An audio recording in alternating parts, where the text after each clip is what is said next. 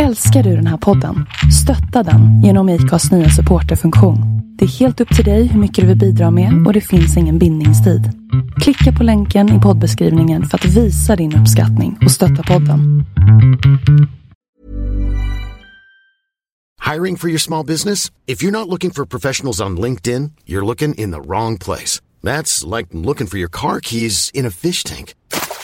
LinkedIn helps you hire professionals you can't find anywhere else, even those who aren't actively searching for a new job but might be open to the perfect role. In a given month, over 70% of LinkedIn users don't even visit other leading job sites. So start looking in the right place. With LinkedIn, you can hire professionals like a professional. Post your free job on linkedin.com slash people today.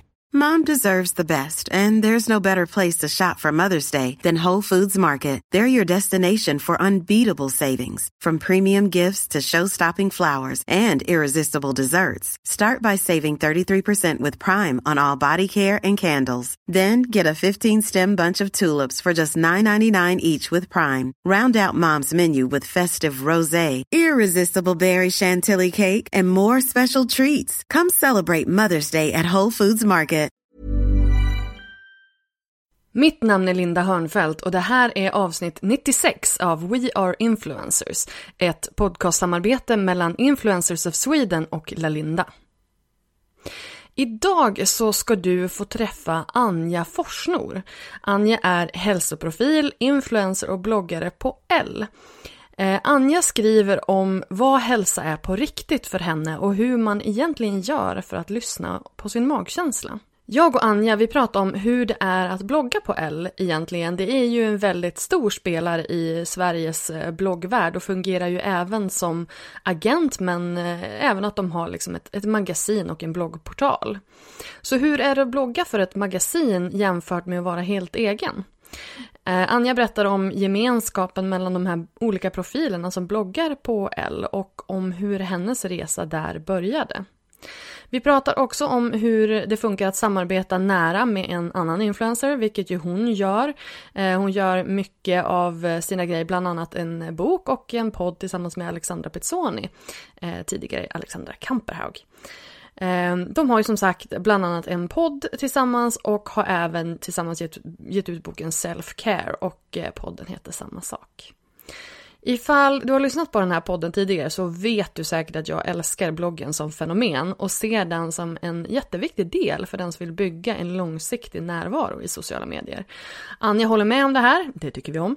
Och vi hinner förutom det också prata om företag som kanske inte är riktigt mogna för influencersamarbeten. Men nu kör vi igång det här avsnittet, det här vill du inte missa. Här kommer min intervju med Anja Forsnor.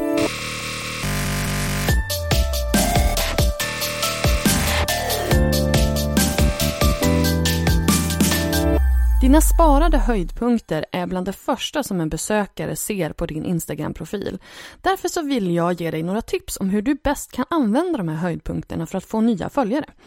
På lalinda.se stories ger jag dig mina fem tips på hur du kan använda dig av de här höjdpunkterna på ett smartare sätt för att fånga upp nya följare och bygga relation till dina existerande följare. I samma inlägg så ger jag dig också en gratis guide till hur du enkelt piffar till dina sparade höjdpunkter.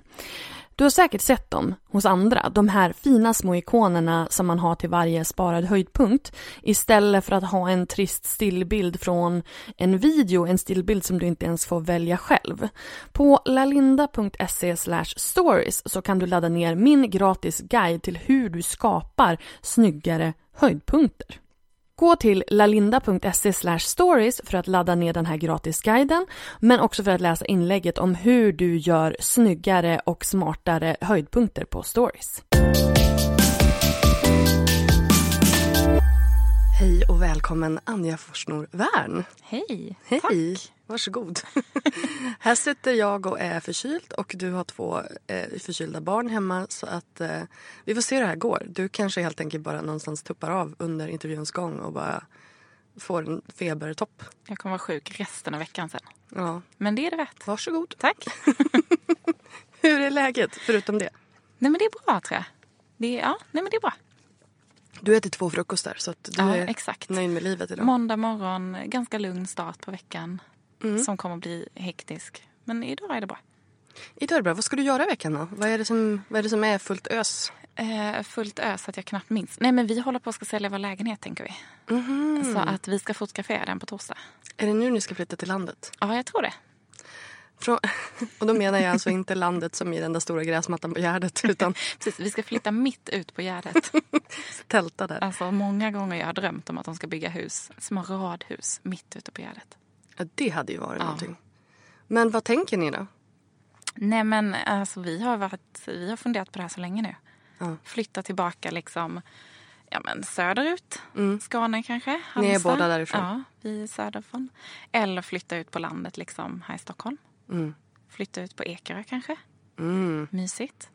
Jag hade en Eh. katt som kom från Ekerö. Det är all, all relation jag har till Ekerö. Jag var dit och hämtade en katt, sen åkte hem igen. Men det måste ha varit en bra katt eller? Ja, hon var en jättebra katt. Ja. Hon, eh, hon dog i, i höstas. Men, men eh, ja, hon, hon levde ett Rest gott in liv. Men, eh, poängen är att jag hämtade henne där i en bondgård. Liksom. Ja, Mm. men det känns bra. Nej men det är väldigt mysigt. Eller kanske någonstans mer söderut. Jag vet inte, vi är så Eller förvirrade. Höga Kusten. Eller kanske. Höga Kusten. Ja, Där det, bor ju jag. Det är ju väldigt trevligt. det är ju väldigt nära, tänker jag. Det är lika nära som till, som till Skåne. Sant. Så att, men det kanske blir, det blir ju längre då ifall, då har du familj och sådär kvar i Skåne. Ja, men precis. Mm. Så det finns ju en liten vits med barnen, tänker jag. Du tänker Lite så. avlastning. Ja, nu har du ju fått en liten till. Ja, Ja. ja. Hur, är det? Jag känner att den, du är ett väldigt bra intervjuobjekt. Ja. Ja, ja. Gillar men- du ditt barn? eh, ja men mestadels. Eh, nej, men eh, alltså, jag ska vara helt ärlig. Jag gillar mitt barn. Jag gillar båda mina barn. Vad bra. Men alltså det här första halvåret. Han är sju månader nu. Och jag kan säga de sex första månaderna, inte så roliga. Mm. Han har varit så stökig. Va, jag har ju inga barn så jag, jag är så här, betyder det att de inte sover eller att de Ja, bara är dels det. allmänt gnälliga? Ja, eller? det också. Ja. Ja, men så här, lite konstant missnöjd. lite Så här lite bitch baby. Ja, han har ätit, eh, ammat varannan timme dygnet runt. Inte sovit i vagn, inte sovit själv i sängen. Sovit på mig, typ 20 minuter åt gången kanske. Åh herregud. Eh, så fort man sätter ner honom så börjar han gnälla. Vill inte vara själv. Du, du, ver- du verkar vara en förvånansvärt trevlig person baserat på denna kunskap. Nej men alltså det, det har varit riktigt tufft. Ja. Ja. Men hur, hur, hur, liksom, hur tar man sig... För att sen tänker jag ju också så här, vi ska ju komma till ditt, ditt jobb här som Mm. du gör. Men du har ju inte riktigt kunnat vara mammaledig på det sättet som en, en normal person inom citationstecken är. Nej. Nej, men, och jag tror, jag tror det är det som gör att hela ekvationen blir ju jobbigare. Ja. För jag har liksom inte riktigt tid med att han ska gå runt och vara missnöjd. Nej. Det passar liksom inte in. Och jag skäms ju lite när jag säger det. Men, ehm, men jag gjorde ju samma sak när jag fick min dotter. Alltså då var jag inte heller klassiskt mammaledig. Utan jag har ju haft med mig henne på jobbet, liksom, på möten och events och när jag har gjort grejer sen hon var tre veckor gammal. Men hon var en väldigt nöjd bebis. Ja. Och det funkade väldigt bra. Så att jag tänkte väl bara att Nu tänkte du jag din enfald att, så här, att det här blir samma sak. Nej men jag tänkte att vi var ju så himla bra på att göra första barnet. Så att nu får vi väl liksom... för ni fick allting där. Liksom. Ja, det Sen var så lite för är det the leftovers som kom nu. Nej gud, nej han är jättefin. Men Ja. lite mer intensiv. Mm. Mm. Men hur är det då att... Eh, för jag tänker, var, var det en självklarhet för dig med båda barnen att du bara skulle fortsätta göra som vanligt? Eller har du varvat ner liksom, och jobbat mindre medans, alltså, under, ja, förutom de här tre första veckorna? Då, eller har du bara kört på som vanligt? Nej men eh, jag har ju absolut varvat ner, inte lika mycket med första barnet. För att precis när hon var nyfödd så släppte jag min första bok och startade liksom ett nytt företag så att jag drev två företag samtidigt. Så att egentligen så hade jag väl min första peak i karriären om man får kalla det det. Precis när hon var nyfödd. Mm. Och det är ju komplext när man driver eget. Och det är komplext också när barnet någonstans också är en del i piken. Ja men lite så blir det ju. För det, Ja, så är det ju absolut. i den, i den här världen. Bebisar, jag pratade med tvillingarna Lagergren och båda de sa så här, jag bara, vad har du för tips? Hur ska man bli stor i bloggvärlden? Och de bara, bli gravid. Nej, och jag bara, okej. Nej men det är verkligen så. Mm. Eh, så att det, det blir ju en sån... ah, nej, och det har jag också slitit så mycket med. Mm. Vad som är liksom okej att dela med sig av. Hur mycket ska jag visa barnen? Hur mycket är de en del av mitt jobb? De har inte valt det här. Jag vill inte liksom eh, tjäna pengar på dem. Men det gör du ju indirekt. Ja men indirekt så gör jag ju det för att helt plötsligt så har, hamnade ju jag i en ny kategori. Att jag Ja. blev någon slags mammaprofil då. Ja. Eh, nej, men så har jag slitit jättemycket med det. Eh, och nej, men den, alltså till den här gången eh, med andra barnet, då, Mario, då har jag absolut varvat ner. Nu tar jag till och med lite så här mm, försäkringspengar, vad heter det? Föräldraledigt. Lite mammapeng. Jag blåser försäkringsbolaget. Nej men jag vet, du hör ju, jag vet ju typ inte ens vad det heter. Nej, men, För att och- det är helt nytt för mig. Jag Ja. tog ju inte en dag ledigt, liksom, föräldraledigt med min dotter. Nej men det är ju lite grann också som nu när man är, om man är sjuk. Jag har Mm. drivit företag på heltid i sex år i Mm. år. Ehm, jag har inte tagit en enda sjukdag Nej. under den tiden. Även fast man har varit sjuk så har man inte liksom så här palla, Registrerat. orka hålla på med det. Plus att det, du får ju inte förrän efter två veckor eller vad Ja. det är så får du, får ännu inga pengar.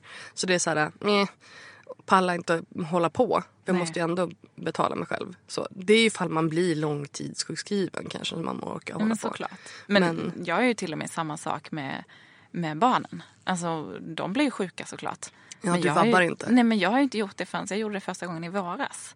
För då var min dotter eh, sjuk några dagar och jag har ju bara tänkt att nej men jag jobbar ju ändå hemifrån. Jag Ja. får liksom, hon får kolla film och så jobbar jag lite. Mm. Eh, men då vabbade jag för första gången och blev helt förvånad över hur mycket pengar man fick ändå. jag bara gud det här är så bra, varför är det ingen som sagt det tidigare?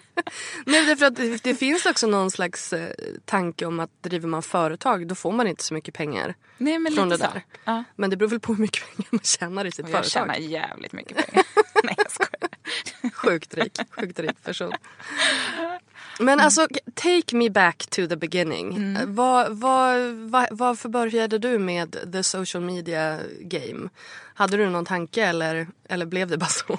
Nej men alltså lite både och. Men jag har ju då pluggat en utbildning som eh, till och med heter sociala medier. Jaså, Ja, jag, läst, jag läste webbkommunikation och sociala medier på eh, Medieinstitutet i Stockholm. Mhm. Ehm, och under den utbildningen så var det väldigt mycket praktik. Mm. Så jag gjorde min praktik på L, på deras eh, webbavdelning. Ah, it is all making sense. Exakt. Mm. När var detta? Detta var för sex år sedan, exakt. Mm, 2013. Mm.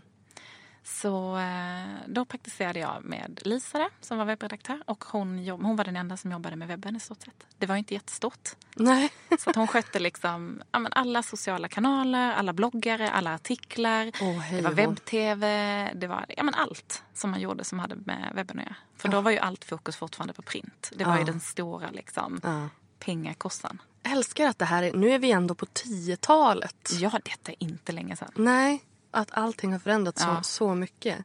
Okej, och då kände du att blogga, det kanske Tänkte, man ska här göra. finns lite att göra. Nej men eh, jag gjorde min praktik där och sen så började jag jobba lite extra. Mm. Eh, och hjälpte till lite där. Frilansade lite för dem. Och sen så eh, tog jag examen och började jobba med, ja, med sociala medier och marknadsföring på ett företag. Tyckte att det var ganska tråkigt. Mm. Så att jag eh, läste och utbildade mig på distans vid sidan av mitt jobb. Och då läste jag eh, till livsstilsrådgivare. Alltså jag tycker det är ett otroligt intressant yrke, Nej, men alltså jag skäms lite varje gång jag säger det. Nej men alltså för jag, lä- jag har ju läst det liksom på, ja, men på, på din blogg det Ja. står så här om mig och jag bara, har hon hittat på det där själv? Det låter som en så här Lite typisk... pretentiöst. Ja men det låter faktiskt som en så här typisk titel som man skulle kunna hitta på själv. Liksom. Jag vet, men jag kan säga att utbildningen heter till och med diplomerad livsstilsrådgivare. Diplomerad till och med. Jag har ett diplom. Ja, jag tror det. Jag på bara, vem, vem som har gett dig det här diplomet? Precis, jag har skrivit ut det själv. Precis. Jag har ju inte för att ta ner det på något vis men jag har ju insett att det här med att diplomera det kan ju vem som helst göra. Det beror ju på vem det är som diplomerar för jag har också funderat på om jag ska diplomera mina elever. Ja, men det är klart du ska. Jag känner då är det så här, I am God. Jag kan säga om du är liksom, om du är så här, jag kan ge dig min välsignelse eller så liksom Men du sitter ju också på den höga stolen Men det här. Så att du har ju lite den sant. rollen faktiskt. i det här poddrummet så är min, min stol typ en decimeter högre Ja, det känns som att jag andra. sitter ner på marken och tittar upp på dig. Men okej, tillbaka till Mm. Tillbaka diplomerad livsstilsrådgivare. Mm, Vad ja. är det? Nej men det är en, ehm, man kan säga en förlängning av kostrådgivare. Okej. kostrådgivning är halva utbildningen i stort sett. Eh, och sen den andra halvan handlar liksom om ja, livsstilen. Nej men alltså inte bara mat utan helheten, det mer holistiska tänket. Jag förstår. Ehm, och egentligen, jag hade egentligen ingen tanke med den här utbildningen. Jag tyckte den lät intressant. Eh, och hade ingen plan med vad jag skulle göra med det. Men jag var jätteintresserad av mat.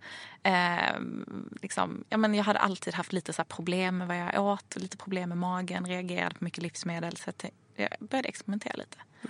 Ehm, och sen så ville jag lära mig mer och mer. Så jag läste på väldigt mycket. Och sen kände jag med den här utbildningen att nej, men här kommer jag lära mig sjukt mycket grejer. Som jag kan använda av på mig själv egentligen. Ehm, men sen så, eh, nej, men så började jag väl öppna upp lite tankar under tiden jag pluggade. Och tänkte att så här, men det här kommer jag nog ha nytta av på något sätt framöver. Det här kommer nog öppna dörrar. Liksom. Jag vet inte hur men, men ja, det här kan jag nog använda på något sätt. Och sen så började jag ja, men lägga ut på min egna lilla liksom, privata Instagram med några hundra följare. Började lägga ut ganska mycket recept. Jag skrev lite om så här, ja, men hälsogrejer som jag hade lärt mig. Testade lite trender, lite såna här grejer. Eh, och märkte att folk tyckte att det var ganska kul. Eh, och det, det var inte så utbrett då. Alltså det är bara, detta var väl då sju, sex och ett halvt år sedan eller något sånt. Eh, men det har ju hänt väldigt mycket de senaste åren. Detta var ju lite i den här perioden, du vet när alla blev glutenintoleranta. Och laktosintoleranta samtidigt. Ja. Eh, men det, det var ändå något intressant som hände där och då. Eh, och sen så hade jag fortfarande väldigt mycket kontakt med Elle och tjejerna där. Eh, och sen så vid något tillfälle, vet jag, på Elle-galan där så eh, kom vi fram till att jag nog borde... Borde börja blogga av, på alla, dem. Ja. av alla grejer du bara, jag bara svänger in lite grann Till på och, Elgalan. till och med när vi stod och sminkade oss i ett av hotellrummen innan galan. Mm. För att jag var då med på galan för att jag skulle agera eh, Twitter-ansvarig. Ah, jag, Så jag förstår. Jag bara, hur, hur, hur snikade du in dig Ja, själv det- där liksom? ja men det är rimligt. Det är Ja, rimligt. Så Ja. att jag live-twittrade från hela galan. Sånt man får göra när man är praktikant. Ja, men, perfekt. Det där har jag gjort på, jag har ju varit konsult för Stockholms filmfestival var jag ett gäng år. Jaha, Så då ja. live-twittrade jag också från eh, prisutdelningen. Mm. Yes, yes. Så att I Lite know. stressande. Ja, men det, Hur stavar man det här namnet? ja fast jag hade ju fått allting innan så jag hade ju ett word-dokument. Jag copy-pastade bara allting. Det hade ju jag velat ha. Ja, ja men det, var- det var ganska smart. För Ja. att ska man då dela ut priser till typ någon slags rumänsk eh, regissör. Det, det hade inte gått jättebra. Mm. Nej, för med min you. stavning annars. så att det är tips till nästa gång. Ja. Pre- be prepared. Om jag hamnar där igen så Ja. lovar jag att jag ska... Bra. Om du hamnar som praktikant på L med Twitter-ansvar. Exakt. Yes, bra. Mm. Okej, men då kom ni på under den här L-galan att du skulle börja blogga. Ja, Och, and the det rest faktiskt. is history Ja, liksom. men lite så var det. Ehm, vi testade helt enkelt. Jag hade, hade liksom inte haft någon tanke på att börja blogga egentligen. Och tänkte att men alla på L det är ju modebloggare. Eller liksom har någon modeanknytning. Jag kan ingenting om mode. Men, eh, Var det det då? Nej, men jag tror att jag upplevde det så. Det är nog lite mer livsstilsfokus idag. Men det var ganska modeinriktat då. Eh, och sen såklart profiler. Alltså Elsa Billgren bloggade ju där då Jo. också. Eh, men eh, så lite liksom läskigt att befinna sig bland den klicken Ja, men det är, liksom. ju, det är ju crème de la crème. Ja, det får jag nog säga själv. Jo men det är det ju. Ja. Alltså Els bloggar är ju crème de la crème av, av Sveriges bloggvärld skulle jag väl ändå säga. Det känns fint att tillhöra dem. Ja men det är ju ett otroligt Alltså, alltså när man snackar varumärken generellt Mm. så är ju L ett otroligt eh, välrenommerat varumärke. Mm. Som de också har lyckats behålla genom hela liksom, bloggsvängen. Mm. Och kanske också faktiskt förändrat det som du säger. Att det inte bara handlar om mode utan det, det har blivit lite modernare. Mm. Och lite mer ehm, nyanserat. Mm. Än, än vad det kanske var då för fem tio år sedan. Så de har ju faktiskt lyckats hänga med. Mm. Nej, men jag håller helt med och jag är otroligt stolt över att tillhöra L. Det har jag alltid varit. Eh, på alla sätt liksom. Ja. Mm. Hur, hur är det att vara, om, om jag nu får så smyga mig lite bakom kulisserna Mm. och liksom lyfta på ridån. Här när ingen lyssnar tänker du? Nej, precis. eh, men här är det ju bara du och jag. eh, hur är det att vara blogger på, på L? Eh, det är faktiskt väldigt mysigt. Och det var kanske inte det jag först hade trott. Och det var faktiskt så redan när jag skulle praktisera där. Jag hade fått en praktikplats på ett annat företag som hette A Non-Smoking Generation. Mm. Eh, och har, det är liksom en fråga eller något som jag alltid har brunnit väldigt mycket för. Så att jag tänkte först... Jag bara hihi. Pun intended. eh, Förlåt. Nej men, ja, men de gör mycket bra grejer. Så att jag var liksom säker på att jag egentligen skulle ta den platsen. Mm. Och sen så fick jag en liksom, halv ingång på L. Tänkte att ja, men jag testar att träffa dem i alla fall. Men var ju beredd på att det skulle vara lite så här djävulen bär Prada. Exakt, vassa armbågar. Nu kommer liksom modeeliten här i Mm. Stockholm. Det är vassa klackar, vassa armbågar och liksom lite dryg ton. Mm. Så tänkte så passar jag verkligen in här? Ja men jag testar att träffa dem. Eh, och sen så möter jag då Lisa som kommer i så här jeans, t-shirt, sneakers, osminkad med en tofs och är världens skönaste människa. Mm. Och är så jordnära och inte alls så som jag trodde.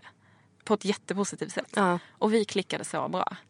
Och det är alltid hon, hon som har haft hand om liksom, Mm. bloggdelen då. Och jag tycker att det genomsyrar hela företaget. Alltså, Vad härligt. Det är verkligen så varje gång man är uppe på redaktionen. Alla är så otroligt så här, lugna, snälla, trygga. Eh, man känner sig väldigt välkommen. Vad härligt. Ja. Men har ni också någon typ av så här, alltså mer organiserad liksom, utbildning eller workshops eller att ni, att ni ses förutom då på Elgalan? Ja. Nej, det är bara på Elgalan. Det är vår, man kan säga att det är vår lilla konferens. På tal om liksom down to earth. Exakt, det är vår lilla kick-off ja. Nej, men genom åren har vi haft lite olika, olika former. Ehm, ja, men nu ses vi nog lite mindre sällan, men nu är vi också väldigt många fler. Mm. Eh, så det kanske blir lite så naturligt. Plus att hela liksom, ja, men det är ju det är många fler som jobbar med webben. Allt är så mycket större på alla sätt. Ehm, men nej, alltså, vi har en Facebookgrupp Mm. med alla bloggar där vi liksom skriver hela tiden, hjälper varandra med olika grejer. Eh, ja, men ses lite då och då. Mm. Arrangerade frukostar och så. Nej, men för det är lite sådana där grejer jag tänker att, att man som ehm, alltså vad man då har för fördelar av att ligga på en portal eller agentur eller tidning i det här fallet. För, vi, för man kan ju säga att det är ju lite grann som en agentur också. Mm. Ja, det är det. Ehm, Och, eh, och det är många som undrar så här, men vad är fördelen med att ligga på en agentur versus att bara ha bloggen på, på sin egen mm, liksom, domän. Och, och det jag brukar säga, jag som liksom alltid har legat på egen domän, det är ju liksom att ja, men sökmotoroptimeringsmässigt så är det jag som äger allting. Ehm, och jag har ju all kontroll över alla, um, alltså hur det ser ut runt design och allt det där. Ehm, men sen så, jag menar om man då ligger på en portal då har du ju liksom någon som säljer in åt den. Alltså du har ju liksom hela annonsbiten och sådär.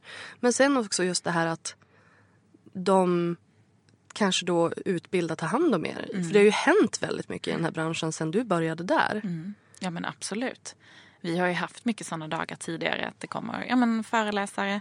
Vi pratar om bilder, bildspråk, eh, bara hur man Sånt här kan man ju såklart googla sig till. Men lite så hur man tänker ja, men sökmotormässigt också. Hur man tänker med bildnamn när du döper bilder. Liksom. Varför man ska döpa bilderna och inte bara ladda upp en mobilbild till exempel. Det finns ju mycket sådana grejer. Och jag menar det är klart att det är sånt man kan googla sig till men man ska ju veta vad man ska googla. Ja men lite så. Här finns ju ändå någon som tar hand om oss lite hela tiden och håller oss i handen och lite visar vägen. Ehm, och likadant också i vår Facebookgrupp. Ja, men det kanske är någon som har gjort ett samarbete som har ehm, fått jättefin respons. Ja, men då kan, liksom, kan man lyfta det och så här, titta på det här. Gud vad kul detta var. Det kan vara någon som ehm, upplever något problem för att um, fått någon jättehatstorm från läsare på grund av någonting. Då kan vi bolla det med varandra. Så vi har ju indirekt nätverk där jag i alla fall upplever att ingen känner någon konkurrens. Utan där vi ändå liksom, ja, men backar varandra. Och det tycker jag behövs i den här Absolut. världen. Det är en konstig värld vi befinner oss i. Det är en jättekonstig värld. Men hur, hur har du, för jag känner ändå så här. Om man tittar på ja, men bloggvärlden om man då ska jämföra till exempel med, med Youtube-världen. Känns inte bloggvärlden mycket varmare på något vis? Det är så roligt för jag har pratat med youtubers som säger precis att tvärtom. Men Ja.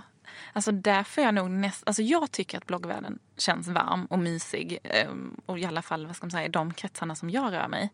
Eh, har nog inte lika stor koll på egentligen youtubervärlden. För att jag är inte en del av den själv. Så där känner jag mig nog lite liksom, jag känner mig lite gammal nästan. Men jag tror att det kanske också är Kanske en grejen. generationsgrej, jag Ja, inte. jag tror ju kanske att det är det som är grejen. För att hela, att, att, alltså, jag, alltså, självklart nu ska man inte dra alla över en kam men jag känner ju att det är lite så här det är väldigt mycket unga personer och det blir den typen av skolgårdsdrama som händer ehm, på, på många Youtube-kanaler. Liksom. Medans på, på många bloggar i alla fall. Jag menar, går man in på en blogg och faktiskt liksom tar del och lägger flera minuter på att läsa inlägg och sådär. Då är man ju investerad i den personen på ett helt annat sätt. Medan är du på Instagram eller en annan, alltså Youtube, där, då kan du ju bara här, klicka dig runt. Men exakt, jag tänkte precis på det. För att det känns som att konkurrensen kanske är tuffare på Youtube och Instagram på det sättet.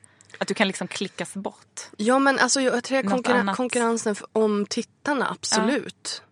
Precis. Men, men har du känt, för att det här pratade jag med, ehm, med en annan liksom, bloggare om när vi pratade om konkur- konkurrens och jag bara men alltså bara för att någon börjar läsa någon, för vi pratade om det här med att länka till varandra. Mm. Och att vissa bara inte gör det. Länkar till, till blogg, sina bloggkollegor. Jag fattar inte det. Mm. Nej, inte heller. Men då sa hon att, ja, men, att det då var för att det finns konkurrens inte om läsarna utan om annonsörerna. Har du, Jaha. har du känt av det? Nej, absolut inte. Eller det är väl klart att det finns konkurrens. Men jag tänker också att ett företag vill jobba med mig utifrån någon anledning. I don't know. Men, nej, men utifrån att jag passar liksom den profilen. Jag tänker att de söker någon specifik profil. Eh, sen så ibland så tycker jag det är kul när man gör samarbete ihop. Alltså som Alexandra som jag jobbar jättemycket med och poddar och skriver bok med. Alltså det är ofta vi till och med pitchar. Eller så att hon kan ha fått ett uppdrag. Så här, men gud, kan inte jag göra detta med Anja? Vi kanske får lägre arvode liksom var för sig. Vi kanske till och med får dela på deras ursprungliga. Men vi kan göra en helt annan liksom, story eller skapa ett helt annat content tillsammans. För att det passar kanske något vi gör ihop. Och det blir roligare. Och det blir mycket roligare och det är liksom... Nej, jag, vet, nej, jag känner inte alls så. Nej, men det där, för det tycker jag är intressant just det här att ja, men det finns en viss annonsbudget. Nu var det här visserligen, det här samtalet var några år sedan. Men, men det fick mig att fundera på att jaha, det är den konkurrensen folk kanske menar när de säger att det finns konkurrens och Ja. inte om läsarna. För jag tänker det blir ju dubbel konkurrens och det blir dubbla kunder. Alltså du har ju två kunder som i att du har läsarna, följarna och annonsörerna. Och sen har du, och då har du ju också dubbla konkurrenslägen Ja. så att säga. Jag har aldrig dragit den parallellen innan. Eller jag har aldrig ens funderat över att det skulle vara... Nej. Good for you. Ja. Okej, men så det var liksom bloggen. Sen, Men ha- du hade startat Instagram innan det. Har du liksom någon slags preferens där? Hur tänker du kring dina kanaler? För då har du, du har ju podden och eh, bloggen och Instagram. Har du, har du, kör du Twitter också? Nej, den la jag ner. Du gjorde det. twittrade väldigt flitigt när jag pluggade. Men det liksom ingick lite i Ja, men, utbildning. ja precis. Ja. Jag tror att det också var lite mer. Den tiden på något sätt. Mm. Men har du någonting mer? Som du, du var inte en tuber? Nej, inte en tuber. Nej. Så Jag det, det räcker med min tre. egen begränsning där. Men har du då någon, något love child? Eller någon favorite child när det gäller dina kanaler? Ja, men jag älskar bloggen. Och det, jag är så himla glad för det och jag återkommer alltid till det. Och det är så mycket i den här liksom branschen och världen som jag tycker är konstig ibland. Det är så ofta jag känner så här att jag inte passar in eller att jag blir stressad av det eller att det är så mycket... Jag har verkligen så här splittrade känslor till det. Men bloggen känner jag aldrig så för. Det är liksom min vän. Och jag känner verkligen att men jag tycker om att skriva det där. Och jag tycker om eh, klimatet som är där. Läsarna är liksom supergulliga. Man känner ju varandra efter så här många år. Ehm, nej men så bloggen är verkligen, den håller jag hårt i. Är det också den du, du lägger mest krut på? Ja, det är det. För där känner jag, alltså för att liksom prata om mig. Vi pratar om dig. Jag tycker att det är svårt att... För jag är också så här, min blogg är min bebis och liksom den jag vill lägga mest kärlek på. Men jag märker ju att jag lägger mycket mer tankekraft på Instagram. Ja, men jo, där kan jag hålla med dig. Men jag får inte ut någonting av den tiden jag lägger på att tänka på Instagram. Men det är väldigt ofta jag tänker att nu ska jag ha ny Instagram-strategi. Ja. Nu ska jag göra så här. Nej, det här funkar inte. Och jag kan lägga oerhört mycket tid på det. Och gå igenom, kolla bilder och göra någon slags plan och redigera bilder och klura på texter. Men jag får ändå aldrig ur mig någonting. Jag har sån, jag vet inte om det är prestationsångest eller stress eller vad det är. Men jag har så svårt att liksom få ur mig någonting nu. Vad beror det på? Men jag tror också det, jag tror det är någonting i att man har så oerhört kort tid på sig att fånga intresset. Eh, alltså Instagram har ju förändrats, det behöver inte jag sitta och säga. Liksom. Men så mycket de senaste åren. Eh, men jag vet inte, bloggen känner jag att där kan jag mycket mer vara mig själv. Jag har mycket mer utrymme att skriva på. Man behöver inte väga varenda ord. Liksom. Eh, jag kan jobba med flera bilder. Det, det känns som ett, det är ett helt annat sammanhang. Men på Instagram har jag liksom en bild och en text. Och de måste på något sätt passa ihop och ha något viktigt att säga och ska läggas upp på exakt rätt tidfälle för att Ja. lägga upp mitt på dagen. Lägga upp vid nio, då är det liksom på morgonen. Då händer det ingenting. Så ska du lägga upp på morgonen så måste du lägga upp vid sju kanske. Och likadant, sen är hela dagen körd och sen Ja. får man lägga upp nio på kvällen kanske. Ja. Och det är så himla tråkigt, jag känner att jag blir så begränsad. Mm. Och att jag, jag lägger så, för mycket tankekraft att jag blir så mycket sämre. Eller så du förstår, att jag, Ja. jag känner mig så... Nej, jag vet inte. Fast det inte har någonting med dig att göra. Nej, men nej. Och där tycker jag Instastory är en helt annan grej. Där känner jag noll prestige. Där kan jag nog lägga upp lite Nej vad men som gud, helst. jag med. Och jag ofta med. när jag kollar igenom mina stories, jag bara, varför la jag upp det här? Det här är inte, ingen tycker det är intressant att kolla på. Men jag bryr mig liksom Jo. inte. nej men där tycker jag att så här, där kan jag verkligen, där kan det vara helt ofiltrerat och eh, nej men där känner jag inte alls den pressen. Det är ju Nej. bara kul. Ja men precis och sen så här, är det här intressant för någon? Alltså, om man skulle tänka, är det här intressant för någon att titta Nej, på? För varje sant. klipp man lägger upp, då skulle man ju aldrig lägga upp någonting. Jag la upp en bild på, på liksom, nu när jag var på väg hit så lagade jag upp en liten video när jag åkte rulltrappa och så bara ta tag i mitt liv. och det känner jag väl kanske inte är så superintressant för någon förutom att nu vet de att nu tar jag tag i mitt liv. Ja. Fast Eh. det lustiga är att det är ofta sådana där små grejer som liksom kan få engagemang. Ja, Att folk går loss och kommenterar. ja men precis. Och folk kommenterar ju mer på stories. Jag vet. Jag, så här, men jag låg hemma nu på förmiddagen och, för jag är ju då lite sjuk och, och så skrev jag bara är superförkyld, tyck synd. Jättemånga som DMar tillbaka och bara jag tycker synd om dig, tycker synd om dig. Och jag bara "Ja, Tack, tack, tack." tack, tack. Känner jag mig lite så här, mitt ego bara njam, njam, njam, njam. Ja. Och, och, så stories är ju mycket roligare men det som, det som stör mig det är ju att jag har ju mycket mer följare på min Instagram än vad jag har på min blogg. Men det har inte jag. Inte? Nej. Och det är väldigt intressant. Ah. Eh, It all makes sense. nej men faktiskt. Och ibland så blir jag så här.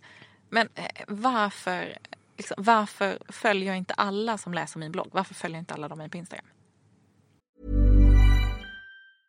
I'm Sandra, and I'm just the professional your small business was looking for. But you didn't hire me because you didn't use LinkedIn jobs. LinkedIn has professionals you can't find anywhere else, including those who aren't actively looking for a new job but might be open to the perfect role, like me. In a given month, over 70% of LinkedIn users don't visit other leading job sites. So if you're not looking on LinkedIn, you'll miss out on great candidates like Sandra. Start hiring professionals like a professional. Post your free job on linkedin.com/people today. Many of us have those stubborn pounds that seem impossible to lose, no matter how good we eat or how hard we work out. My solution is PlushCare. PlushCare is a leading telehealth provider with doctors who are there for you day and night to partner with you in your weight loss journey. They can prescribe FDA-approved weight loss medications like Wagovi and Zepbound for those who qualify. Plus, they accept most insurance plans. To get started, visit plushcare.com slash weight loss. That's plushcare.com slash weight loss. Since 2013, Bombas has donated over 100 million socks, underwear, and t-shirts to those facing homelessness. If we counted those on air, this ad would last over 1,157 days. But if we counted the time it takes to make a donation possible, it would take just a few clicks. Because every time you make a purchase, Bombas donates an item to someone who needs it. Go to bombas.com slash ACAST and use code ACAST for 20% off your first purchase. That's bombas.com slash ACAST, code ACAST.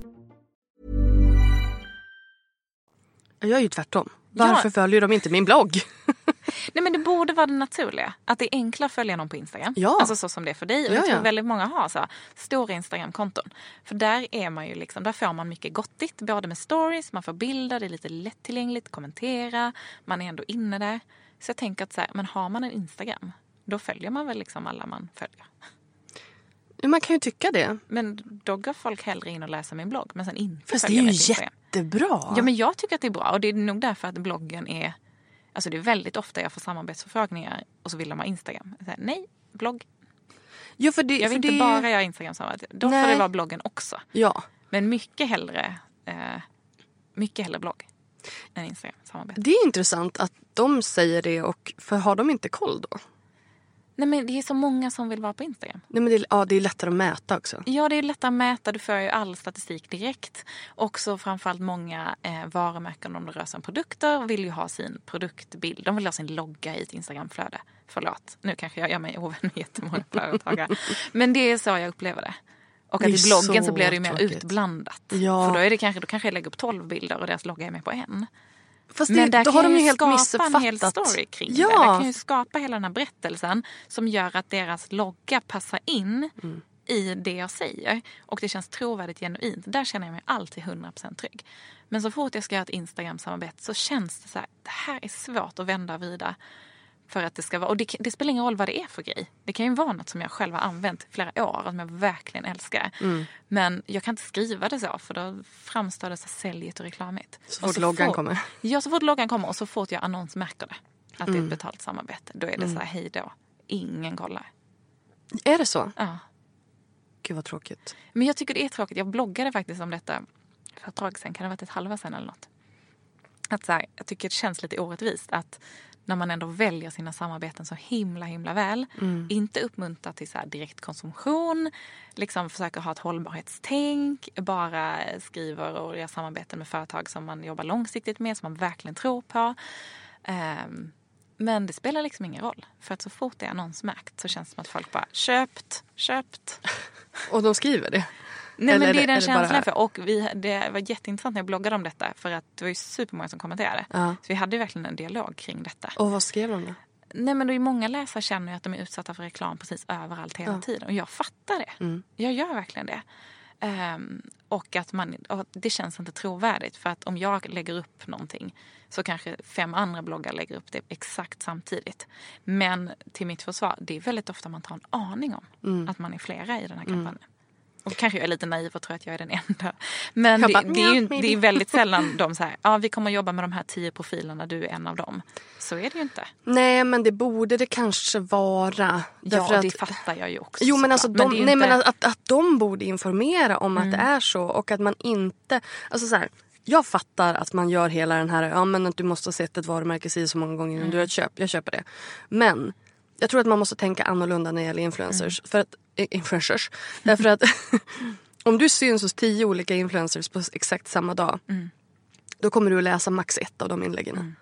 Alltså om jag följer liksom, ja, men både dig och Alexandra och någon, någon fler som liksom, om, om man nu gör samma, då läser jag max ett av era inlägg. Och så sen bara, jaha okej, de har gjort en kampanj och går ut med allting sam, samtidigt. Och det förstår jag inte riktigt varför, för det måste de, de måste ju se att det inte går lika bra som när man bara går med en, en åt gången. Nej, men det är ju en dålig strategi för att Ja. varumärket förstör för sig själv och för alla andra. Eller Det förstör hur? för alla. Alla. Alla. Allt är skit. Så bara lägg ner. Nej, men jag, jag tycker ändå att man borde liksom faktiskt tänka på att sprida ut det. För att har du kanske då en person i veckan. Ja, men då, då, blir det ju, då blir det ju mer naturligt och då kanske man bara jaha okej. Och att man kanske också tänker på hur man berättar stories och att man om man då också inkluderar varandra i det så kan man ju också jag vet inte, spinna vidare på någonting. Och att man får så frihet och forma det som man själv vill. Ja. Alltså lite mer frihet. Jag fick en brief häromdagen som jag bara så här, eh, tack men nej tack. Varför Var- vill ni ens jobba med en liksom, influencer? Det här är ju, ni har ju redan, redan liksom, köp en banner istället. Ni har redan bestämt exakt hur bilden ska se ut. ja. Alltså vad jag skulle dekorera med. Nej. Underlag och alltså det är så här, Oj, oj, oj. nej, Nej. glöm det. Jag gjorde knappt det för liksom fem år sedan. Kommer absolut inte göra det idag. Nej, Nej. Var det bra betalt då? inte det heller. Nej, nej men, Men ju... om samarbetet går bra så finns det chans till flera nedslag. Man Och bara, jag tycker "Ja, att det är nej, så- men Jag kan jobba gratis till en början och sen... Alltså jag fattar att är man en ny influencer generellt, absolut, Ja. Mm. då behöver man jobba på sin, sin portfolio. Men när man får, för jag får ju också, så här, i och med att jag inte är i riktigt samma trafikskala Mm. som, som du till exempel. Så, eh, så får man ju ofta så här, ja men du får, jag fick ett, ett, en förfrågan från ett företag som just nu gör ett väldigt stort samarbete med Therese Lindgren. Mhm. Ehm, Och hon är med på deras annonser på Instagram och sådär. Och, eh, och då sa de så här, ja nej men eh, du får en kod, då ska de signa upp sig så ska de göra den här beställningen och sen ska de aktivera och då får du betalt. Och om tre personer gör det då kan vi kanske diskutera någonting mer och då kanske du också får en, någonting så här. Och jag bara, nej. What's in it for me? Exakt, Det är exakt vad jag skrev i mejlet Ja. tillbaka till dem. Ja. Jag bara, det finns ju ingenting i det här som är någonting, någon vinning för mig. Nej. Ehm, därför att alltså jag fattar att ni vill ha tillbaka pengarna ni spenderar. Men det funkar inte så när man köper reklam. Nej. Nej men det finns ju aldrig några garantier. Nej men när, om du köper en hel sida i L. t- Tror du att då, du då får garanterat att du köper att du, ja, men en hel sida L för köp. 50 lax liksom. Ja exakt, då ska du ha tillbaka de 50 000 exakt på den annonsen. Ja, Det- det sam- funkar ska inte så. Liksom bokföra samma månad. Exakt. Det- Inte så här, jobba med varumärken över tid. Nej. Varumärkeskännedom. Och det är det jag, det är det jag stör mig på, att de, man fattar inte grejen. Och att det, liksom, det funkar inte att göra... Alltså, man behöver ju, speciellt när det är en, en sån här produkt som är ganska komplicerad, som är ganska så här... Om det handlar om liksom, finanser, då blir det så här, ja fast det, det är inte så här, folk kommer inte att hoppa jämfota över det. Nej. Man behöver lägga en grund. Ja, nej, sånt där stör mig, när man inte riktigt fattar vad det är man köper och varför. Snarare. Ja, men, och jag tror det, alltså det, är, det är komplext eftersom den här branschen fortfarande är så pass ny. Kunderna är inte vana vid att, att köpa reklam på det här sättet och vågar inte alltid lyssna på att vi faktiskt kan det här. Att vi faktiskt är experterna här. Men jag tycker ändå att vi har, alltså vi har gjort det här ett gäng år nu. Och det här är ändå folk som har, best, alltså som har köpt Therese Lindgren till exempel. Ja, jo, sant. Alltså, Som antagligen har fått betalt för sitt samarbete. eh, ja. Ja, ganska mycket kan jag tänka mig också. Ja, alltså jag vet vad Therese tar betalt. Så att liksom... Det, Det fanns inget kvar till dig, Linda. det fanns ingenting kvar till mig. Och ganska många med mig, tror jag. Mm. Eh, och du vet, då känner man också så här... Då blir det så himla tydligt den här hierarkin. Mm. Som, inte, som vi inte sätter oss i. Alltså vi, sätter, vi kollegor sätter oss inte i den. Utan Nej. Mm. det är annonsörerna som sätter oss i den. Och så här, jag fattar att man gör det baserat på trafiken. Men arbetet är fortfarande detsamma. Ja. Jag gör precis lika mycket jobb som du gör även fast du har mer trafik. Och då ska du ha mer bet- betalt för trafiken. Mm. Absolut. Men du ska inte ha mer betalt för jobbet. Du kanske till och med liksom gör jobbet, för att du kanske gör jobbet själv. Du kanske inte har en fotograf. Att vi måste ju betala fotografen Ja, också så att det är som ja. skitsamma egentligen. Men vi ska ju ha lika mycket, om, Mm. om jobbet är lika stort så ska man ju ha lika mycket betalt för det. Ehm, och trafiken ska ligga utanför Mm. det liksom. Så det där, eh, där bugs me. jag bara, eller Mm. Jag så känner jag mig bara lite kränkt.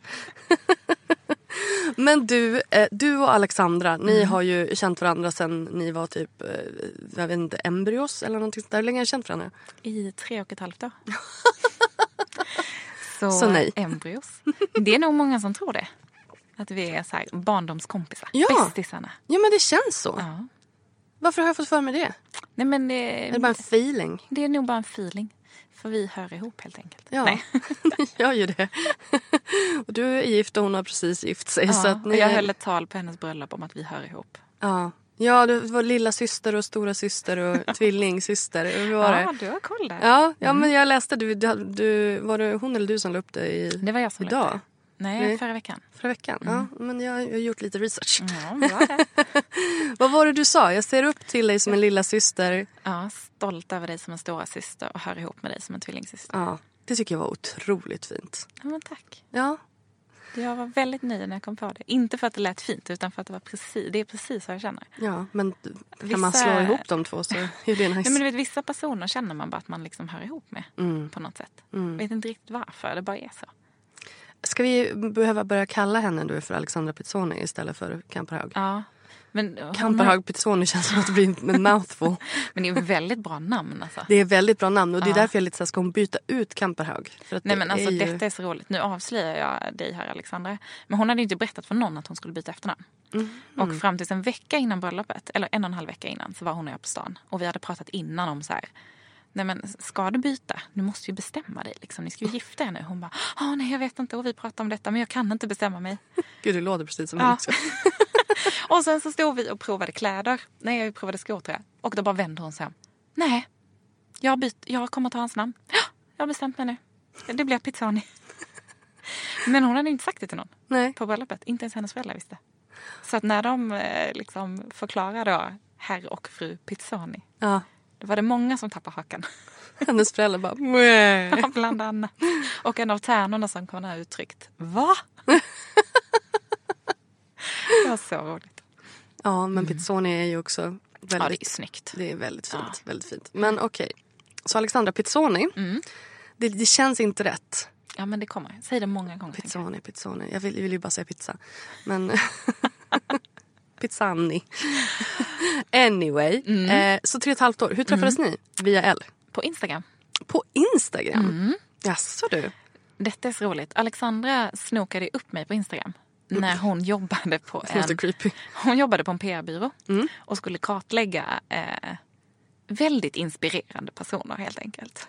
Och jag var ju överst på den listan. Nej men hon skulle researcha ja, men, väl hälsoprofiler eller något sånt. Mm. Ehm, och så att hon var ju runt och snokade och eh, så hittade hon mig, började följa mig. Eh, och jag började följa henne tillbaka. Och då kom, enligt henne blev hon så här, va? Oj, men hon som har så många följare, varför följer hon mig? Eh, och då var inte Alexandra jättestor, men hon bloggade på sin egen portal och jobbade med sin träning. Och jag kommer ihåg att jag tyckte att hon verkar vara en sån cool tjej. Jobbar med kampsport liksom och verkar ha lite skinn på näsan. Eh, så vi började följa varandra. Och så här, man gillar någon bild, man kommenterar lite, man blir lite instakompisar. Ja. Eh, och sen så skriver hon ett hederligt mejl till mig en dag. Jag älskar att numera är mejl Ja, hederliga. är inte, det är inte de här snigelposten nu utan nu är det ett gammalt hederligt mejl. Exakt. Nej men där hon bjöd ut mig på en kaffe. Så Ja. här, jag får så fin känsla liksom. Eh, på din Instagram. Insta-date. Ja. Så vi tog en kaffe som varade i tre timmar. Där vi bara så här, du vet, typ avslutade varandras meningar. Love at first sight. Ja, Ja. gud vad fint. ja, det var väldigt fint. Och så kände vi att så här, nej men gud, vi kommer ju jobba ihop någon dag. Vi måste ju göra något ihop. Mm. Och vad hände sen? Nej men sen blev vi, alltså egentligen ursprungstanken var, då hade jag ganska nyligen eh, fått mitt första barn. Hon var fyra eller fem månader gammal. Eh, så tanken var att jag skulle börja träna med Alexandra. Att hon skulle vara min PT. Komma, liksom, komma lite i form. Jag kunde ta med, gud, inte komma i form, jag sa inte precis det där. Jag menar så här, hitta tillbaka till träningen efter graviditeten. Jag bara kände- Gud, det där är så inte jag. Nej, jag kände också det. Jag bara, nu... Ja, verkligen. Ehm, nej, men då kunde jag ta med mig min dotter till liksom, träningssalen och ha med henne. Så att det funkade ju funkade bra. Eh, problemet var ju bara att eh, det tog så lång tid för oss att träna. För vi snackade så otroligt mycket. Så till slut, så varenda träningspass var ju tre timmar. Ja, jag känner igen det där. Ja. Jag gjorde det där med min före detta PT också. Ja, nej men det funkar inte. Så ganska snabbt var jag så här, du ska, ska vi inte bara umgås istället liksom? det här håller inte. Ehm, så vi började umgås och blev väldigt tajta. Och li- hittade varandra lite i den här komplexa världen. Ja. Och sen så sökte de en eh, träningsbloggare till L. Och du bara, Och då hade jag ett namn som Mm. jag la in ett väldigt gott ord för. Eh, så att egentligen kan hon tacka mig för allting. för all sin framgång. nej, nej men så att det är ju nästan för bra för att vara sant liksom, när hon Mm. kom till L. När vi verkligen är liksom bloggkollegor. Ehm, och sen så blev ju podden vårt första egentligen gemensamma projekt. Mm. Och sen boken. Ja, men, nu jag älskar du bara så här rabbla grejer som att så här, alla har koll. Eh, podden, ni har en podd tillsammans som heter Allt är bra. Allt, allt är bra. Allt är bra. Eh, och som ni startade i början av 2018. Va? Mm. Exakt. Och vad handlar den om? Den handlar om eh, livet egentligen. Mm. Om men, hälsa 2.0. Mm. Alla delar i vad som är hälsa för oss och välmående. Eh, hälsa på ett långsiktigt sätt. Vi har pratat väldigt mycket om ja, men, ångest och stress. ehm, relationer. Karriär. Hur man... Både jag och Alexandra har liksom haft på pappret bra jobb eh, men inte trivts. Mm. Känt att det är något som skaver. Eh, sagt upp oss utan att ha någon plan, utan att ha något annat jobb. Eh, startat våra egna företag. Hur liksom hela den resan någonstans. Jag tror att det kan vara många som känner igen sig i att man kanske är på lite fel plats. Mm. Men det är väldigt svårt att våga bryta sig loss. Absolut. På grund av jättemånga faktorer såklart. Mm. Ehm, Nej, men så det, lite så här, hitta rätt i livet. Mm. Att liksom vara sann mot sig själv. Vad härligt. Är du nöjd så? Ja, alltså. ja. Nu Förklara, vill jag- nu vill jag- förklara det den. Ja, men precis. Hur många avsnitt har ni släppt? Det kändes som en ganska bra sammanfattning. Ja, nej, men vi har väl släppt eh, lite mer än 60 avsnitt. Mm. Har ett litet sommaruppehåll just nu. Eh, ja, jag vet. De har börjat eh, efterfråga på L. Så här, hm, det här sommaruppehållet. Vi skulle vara tillbaka i augusti. Ja, nu är det då Ja. andra veckan i Ja, september. men det kom lite bröllop emellan. Så jag Ja. skyller allt på fröken Pizzoni. Pizza på pizzan. Gud, jag måste sluta. Eh, ehm, och nu har ni då en bok Ja. ute Mm. som dessutom är nominerad till pris. ja, men det är så galet. Det är Svenska designpriset var det va? Ja. Ja, det är ju Hör coolt. på den. Säg det en gång till. Svenska designpriset. Alltså, hur sugen blev Self-care. man på att köpa den här boken? Ja men eller hur. Den heter Self Care Mm. och är ganska ehm, självtalande vad den handlar om.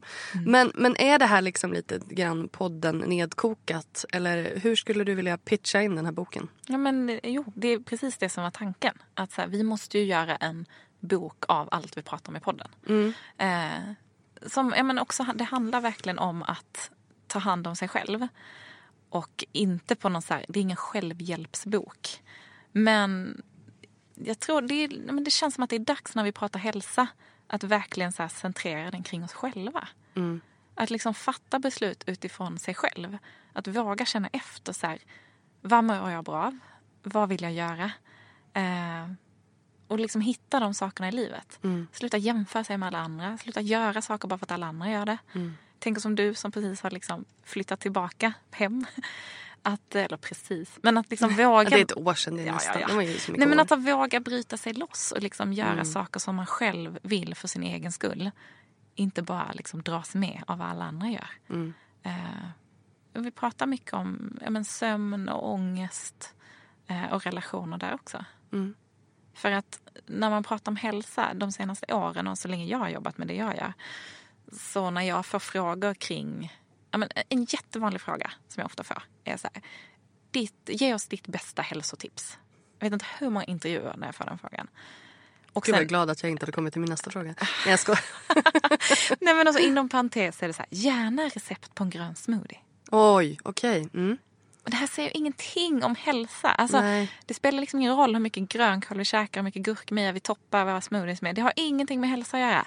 Det är liksom strösslet på ytan. Vad är hälsa då?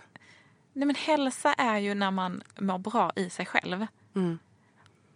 Och när man fattar beslut utifrån sig själv. Jag tror att det handlar väldigt mycket om den här liksom kompassen och magkänslan. Att lära sig lyssna på den och att våga lita på den. Det tror jag är nyckeln till det mesta. Hur gör man det då? Förutom Eh. genom att läsa er bok. Man läser vår bok och sen, så, sen är man liksom fullärd. Ja men gud vad härligt. det gick fort. Och sen köper man boken till alla man känner så de också läser det. Nej men eh, alltså jag tror ofta att man kanske har något i livet som skaver lite. Eh, det har väl vi alla. Eh, att man faktiskt vågar skrapa lite där och se vad det är som skaver. Våga prata med folk, alltså vänner. Till exempel om du sitter på ett jobb där du känner att du kanske inte helt trivs. Men prata med andra som har sagt upp sig. Prata med någon som jobbar med något som du skulle vilja jobba med.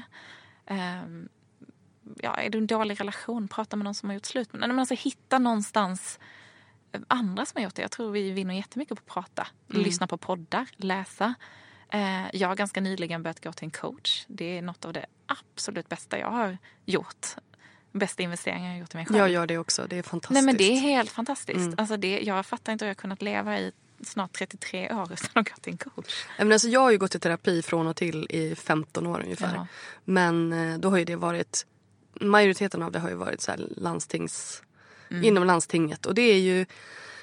Alltså det, det kan vara jättebra och det har varit väldigt bra. Mm. Men då har det också varit i mer så akuta situationer till att börja med. När man har verkligen, jag menar, jag varit sjukskriven eller Mm. va- mått väldigt, väldigt dåligt. Plus att den, det finns också ramar kring eh, landstingsfinansierad vård Mm. helt enkelt. Att du, du, det ska finnas en plan och den ska göras åt det här hållet och du så här många gånger på det. Det blev jag jättestressad av. Mm. Men nu har jag också hittat en coach. ehm, Som är bra. som är fantastisk. Så att nu är jag bara så här, det är typ min dyraste utgift och den är Ja. så jävla mycket värt det. Det är därför jag kallar det för investering i mig själv. För Ja, men det nog, är det Det är nog det absolut. dyraste jag liksom unnar mig själv. Ja. Men det är så värt det. Det är så värt det. Det ger så mycket och jag vet, jag kom ju därifrån nu innan vi Mm. sågs här. Men alltså det där samtalet, alltså att sitta med henne i en och en halv timme. Jag har ju med mig det liksom flera dagar jag tänker på det Mm. och veckor. Alltså det, det ger så otroligt mycket. Jag ska träffa min på torsdag. Lillo så. ja, tack. Nej, men hon sitter ju här i Stockholm. Ja. Så att vi har ju Tänk om vi egentligen... går tillsammans. Tänk om. Kanske. Kanske vi får prata om det sen. Ja. eh, nej men så att hon, eh, vi ses ju vanligtvis på Skype. Eh, så att, eh, men det som är så bra då också att då har jag typ spelat in våra sessioner Ja, på Skype. smart. Vilket hon har rekommenderat så att jag kan liksom så gå tillbaka och titta på vad jag var för ett halvår sedan. Och alltså I was a mess. så att det händer väldigt mycket på väldigt kort tid. Men det är lite grann som Ja men alltså man, man investerar i annan typ av hälsa. Man investerar i PT till exempel. Eller man eh, går till en kostrådgivare eller vad det nu kan vara för någonting. Det här är ju samma sak. Ja men det är samma sak och jag tycker att det är dags att liksom men dels fler gör det om man känner det behovet men också att man faktiskt pratar om det. Mm. Och liksom öppnar upp för det. För att jag tror det är många som inte ens tänker Alltså jag, jag märkte det. Jag jobbade ju som kostrådgivare Mm. ett tag. Eh, och tog mig an liksom klienter eller kunder. Eh, och jag märkte ju det direkt att så här, jag jobbade med väldigt många unga tjejer. Eller de som sökte sig till mig. Och jag förstod ju snabbt att så här, men alltså, det, inte här, det här handlar inte om mat. Nej. Det här handlar inte om maten. Och det kan jag tänka mig är väldigt, väldigt många. För jag gick till, eh, jag gick till en dietist eh, av olika anledningar. Jag hade ju en, jag hade en sån process att jag skulle skaffa barn själv och bla bla bla. Och jag fick inte göra det på grund av övervikt. Så jag var till en, en dietist, så här, lång historia väldigt kort. Eh, och det var ju så här, ja. ehm, han, han visade på riktigt en bild på tallriksmodellen. Och jag bara, Du skämtar? nej jag, jag, I wish I did. Ja, det här kommer att lösa alla mina problem. Nej men du vet, och då var jag så här, ja fast det, ja, jag är ju nästan 40. Jag vet hur tallriksmodellen fungerar. Det är inte det som är mitt problem. Mitt problem är ju att jag inte Ja, men alltså då, då, då, och då lyfter ju alla mina problem som jag hade. Så här, att jag, blir, jag, liksom, jag tycker det är tråkigt att laga mat till mig själv. Jag kan liksom inte, jag kallar mig själv för eh, matdyslektiker. Jag kan inte titta in i, skåp, in i kylen och se vad det blir för någonting ihop. Utan jag måste ha ett recept. Jag vet, det är väldigt Gud liksom, vad bra, nu har jag en, ett ord på min man. så där är han. Ja men alltså du vet man Mm. öppnar kylen och så bara vad blir det här då? Ingen, alltså jag kan inte så bara plocka liksom grejer och så bara blir det någonting. Mm. Jag förstår inte. Jag förstår inte kryddor. Jag kan bara, och så kryddar man lite grann och jag bara Fast så kan du inte säga. Du måste ju säga till mig exakt vad jag ska för kryddor, hur mycket det ska vara. Och du vet, för att jag kan inte krydda och då blir det inget kul. Ja. Så att matdyslektiker, och det sa jag till honom. Jag bara, men det är det här jag behöver hjälp med. Han bara, nej men det kan inte jag hjälpa dig med. Nej. Jag bara, men vad gör du då? När jag, jag berättar vad, vad som är bra mat. Och jag bara, ja fast det vet Men det kan jag du ju. också gå in på Livsmedelsverket och läsa dig till om du vill läsa Alltså jag har om- gått Viktväktarna 71 Ja. vändor. Jag Ja. vet vad som är bra och dåligt att äta. Det är inte så att jag sitter där med Nutellan och bara this is good for me. Det gör jag. Ja, ibland så kan det också vara bra för en men, men det var inte det som var Nej, problemet. Gud, jag fattar precis vad du menar. Och det är det jag menar. Mm. Alltså går man till en kostrådgivare så är det nog åtta gånger av tio inte kosten som är problemet. Men jag, nej absolut I inte. grunden. Nej jag tror inte heller det. Och jag har ju gått själv till PT för några år sedan. Men behövde nog inte en PT egentligen. För att jag stod där liksom vid skivstången när jag lyfte tungt och typ började gråta. Mm. För att jag höll på att gå in i väggen för jag var så stressad. Och det var mitt tillfälle att ventilera och prata med någon liksom, som lyssnade ut, utanför mina vänner. Ja. Det var inte en PT jag behövde. Tänk om jag hade gått till en coach då. Liksom. Ja, men jag, första gången jag blev sjukskriven för eh, utmattningsdepression så, var det, så började jag gråta hos en sjukgymnast. För jag hade fått eh, nackspärr. Eh, och han frågade hur, hur är det på jobbet? Nej, alltså, man kan inte ställa sådana frågor i ett sånt läge. Jag han bara, du är lite ja. spänd, hur är det på jobbet? Sen han bara, du, du ska nog gå till läkare. Och jag bara, ja jag ska nog gå till läkare. Så blev jag sjukskriven i två år. Gud, ja. Ja, lång historia kort. Men sagt, ändå tacksam för att du gick dit. Verkligen, men Att då visste jag ju inte vad jag behövde. Liksom. Nej. Men, men alltså, och jag älskar, det här är ju 15 år sedan nu. Ja, 14 år sedan. Sen jag blev sjukskriven och då var ju inte utmattning accepterat. Det var ju så här, jag fick ju bara höra att jag var lat. Så att det faktum att... Liksom, Det hjälper ju i en sån situation tänker jag. Mm. Verkligen. Som sagt, eh, två års rehabilitering tog det. Ehm, men att någonstans idag är det är okej att gå i terapi. Och att faktiskt liksom ha den här mentala hälsan som en del i, i den, den stora hälsan. Men jag tycker det är väldigt fint. Eller hur? Och lite som du sa att du inte visste vad du liksom hade framför dig eller visste vad du behövde. Nej men det tror jag ingen vet. Nej. Men det handlar väl om att man faktiskt ska våga jobba på sig själv. Eh, för att som jag sa innan, att jag tror att vi har något litet som skaver. Och att man inte försöker liksom eh, sminka över det eller liksom ignorera det. Utan så här, gräv i det istället. För jag tror det är där vi kan hitta... Ta den där lilla skalpellen och gräv i det där lilla såret. Nej, gör inte det. Jag vill inte uppmuntra till något självskadebeteende. Nej, men jag tror, jag tror verkligen att det är där vi kan hitta våra styrkor. Ja, gud ja. Att vi ska leta upp de där grejerna. Så här, jobba på oss själva. Det om något är vi Och boken värda. är en bra början. Ja, det är en jättebra början. Vi har ju faktiskt en eh, psykolog som också heter Linda. Som är fantastisk. Som har skrivit stora delar av ångestkapitlet. Oh, vad spännande. Så att det är inte bara jag och Alexandra som pratar på här. Utan eh, det finns andra duktiga människor med Ja, i men boken. vad, vad roligt. Vad roligt att höra.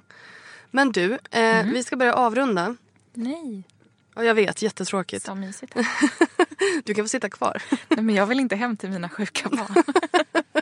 Du får, du får hänga kvar. Det kommer, jag ska göra en, en till intervju efter det här. Du får vara med i den Men också. Kan jag vara din sidekick? då? Absolut, absolut. Ehm.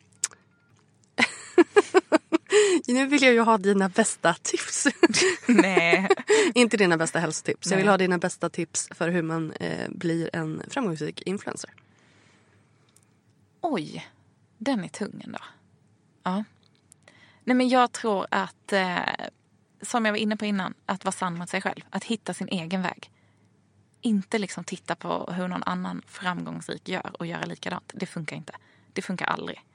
Eh, nej, man måste hitta sin egen grej, sin egen nisch. Antingen något man verkligen gillar, något man är duktig på. Man måste absolut inte liksom uppfinna det på nytt. Det kan vara att man skriver om mode eller mat eller heminredning eller något som alla andra också gör. Men gör det utifrån att det verkligen är så här genuint och att det är du. Eh, för att annars så lyser det igenom. Det funkar inte annars. Det tror jag är det bästa. Och teama gärna ihop dig med liksom, ja men hit, nätverka, hitta kompisar i branschen. Det är väl jättebra. Man behöver kollegor i alla branscher. Och extra mycket i den här tror jag. För det är, det är ganska ensamt annars. Ehm, och sen om vi ska prata liksom om att vara framgångsrik. Då ty tycker jag ändå att man ska liksom såklart försörja sig på det. Eh, hitta någon bra som, nej, någon agent eller någon som eh, eh, förhandlar samarbeten åt dig. För det är inte kul att göra själv tycker jag. Förlåt. Nej men det, det är så värdefullt att ha någon som faktiskt roddar i alla förhandlingar och eh, pitcher och hjälper till med allting. För att det är väldigt svårt, det är svårt som det är tycker jag att driva bolag när man är helt själv och man ska vara alla roller samtidigt. Ehm, och om jag ska lägga tid på alla de här liksom, samarbetena från start till slut då finns det liksom ingen tid att vara kreativ och utföra de här grejerna. Eh, eller det dödar i alla fall lite av min kreativitet. Så Du är ingen säljare med andra. Jag är ingen säljare.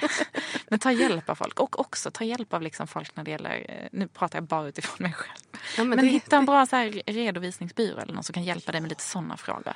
För det är så tråkigt att sitta med själv.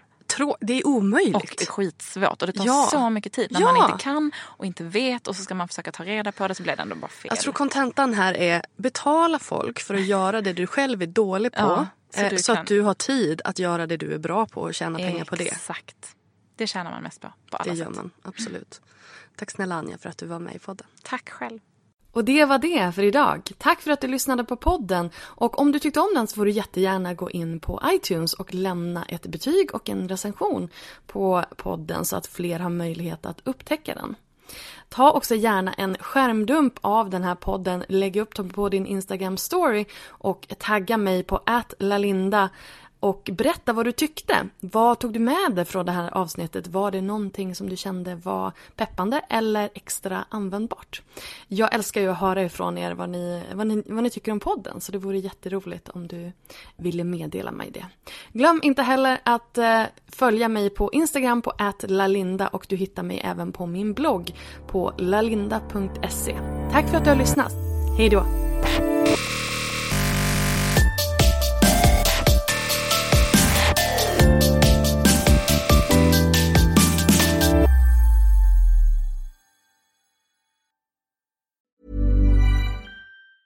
Mom deserves the best, and there's no better place to shop for Mother's Day than Whole Foods Market. They're your destination for unbeatable savings, from premium gifts to show-stopping flowers and irresistible desserts. Start by saving 33% with Prime on all body care and candles. Then get a 15-stem bunch of tulips for just $9.99 each with Prime. Round out Mom's menu with festive rosé, irresistible berry chantilly cake, and more special treats. Come celebrate Mother's Day at Whole Foods Market.